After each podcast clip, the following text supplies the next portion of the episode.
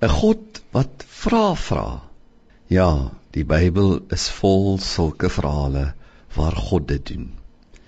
En sekerlik nie omdat hy iets wil leer of iets nie weet nie, maar omdat hy reken die persoon vir wie hy die vraag vra, het nodig om by 'n antwoord uit te kom. Een so vraag vind ons daar in Genesis 32. En die vraag is eenvoudig. Wat is jou naam? Weet God dan nie met wie hy te doen het nie? Dis mos Jakob. Dink mooi aan Jakob se storie. Op 'n vorige geleentheid het iemand hom dieselfde vraag gevra. Sy pa oud, byna blind, gereed om 'n laaste seën op sy oudste seun uit te spreek. Sy oudste seun se naam is natuurlik Esau. En dan kom Jakob En hy bedrieg sy pa want hy wil die seun hê. Sy pa vra wat is jou naam en hy sê my naam is Esau. Ons almal loop so met 'n verlede. Daar is iets waarmee ons reis wat moet afgehandel word, reg gestel word. Daar is natuurlik dinge in ons verlede waaraan ons niks kan doen nie. Wat ons net kan laat gaan.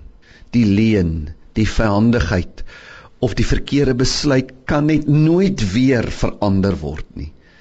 Ja, en God gee ons genade om ook dit te kan doen, dit te aanvaar en aan te gaan. Maar daar is dinge wat jy moet regstel. En eers gaan God ook vir elke mens hierdie vraag vra. Sê nou weer vir my. Kom ons gaan terug na daardie vraag toe. Wat het jy gesê is jou naam?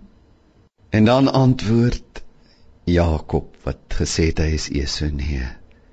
Ek is Jakob.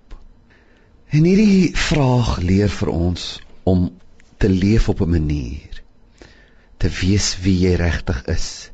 Dinge nie weg te steek nie, nie voor te gee nie. God sal 'n mens altyd weer en weer wil help om te deel met die dinge wat gister gebeur het en om met waarheid te leef die verhaal met Jakob eindig waar hy erken my naam is eintlik Jakob. En dan verrassend sê God vir hom, maar van nou af het jy 'n ander naam. Israel. Nou word jy wat ek wil hê jy moet wees. Nou dat jy hierdie siklus afgehandel het, hierdie onvoltooide sirkel voltooi het, kan jy regtig leef. Ja, vir elkeen van ons vra God ook hierdie vraag. Wat is jou naam? Wat is daar wat jy moet hanteer? Wat is onafgehandel? Kom dat ek jou help en jou 'n nuwe toekoms gee.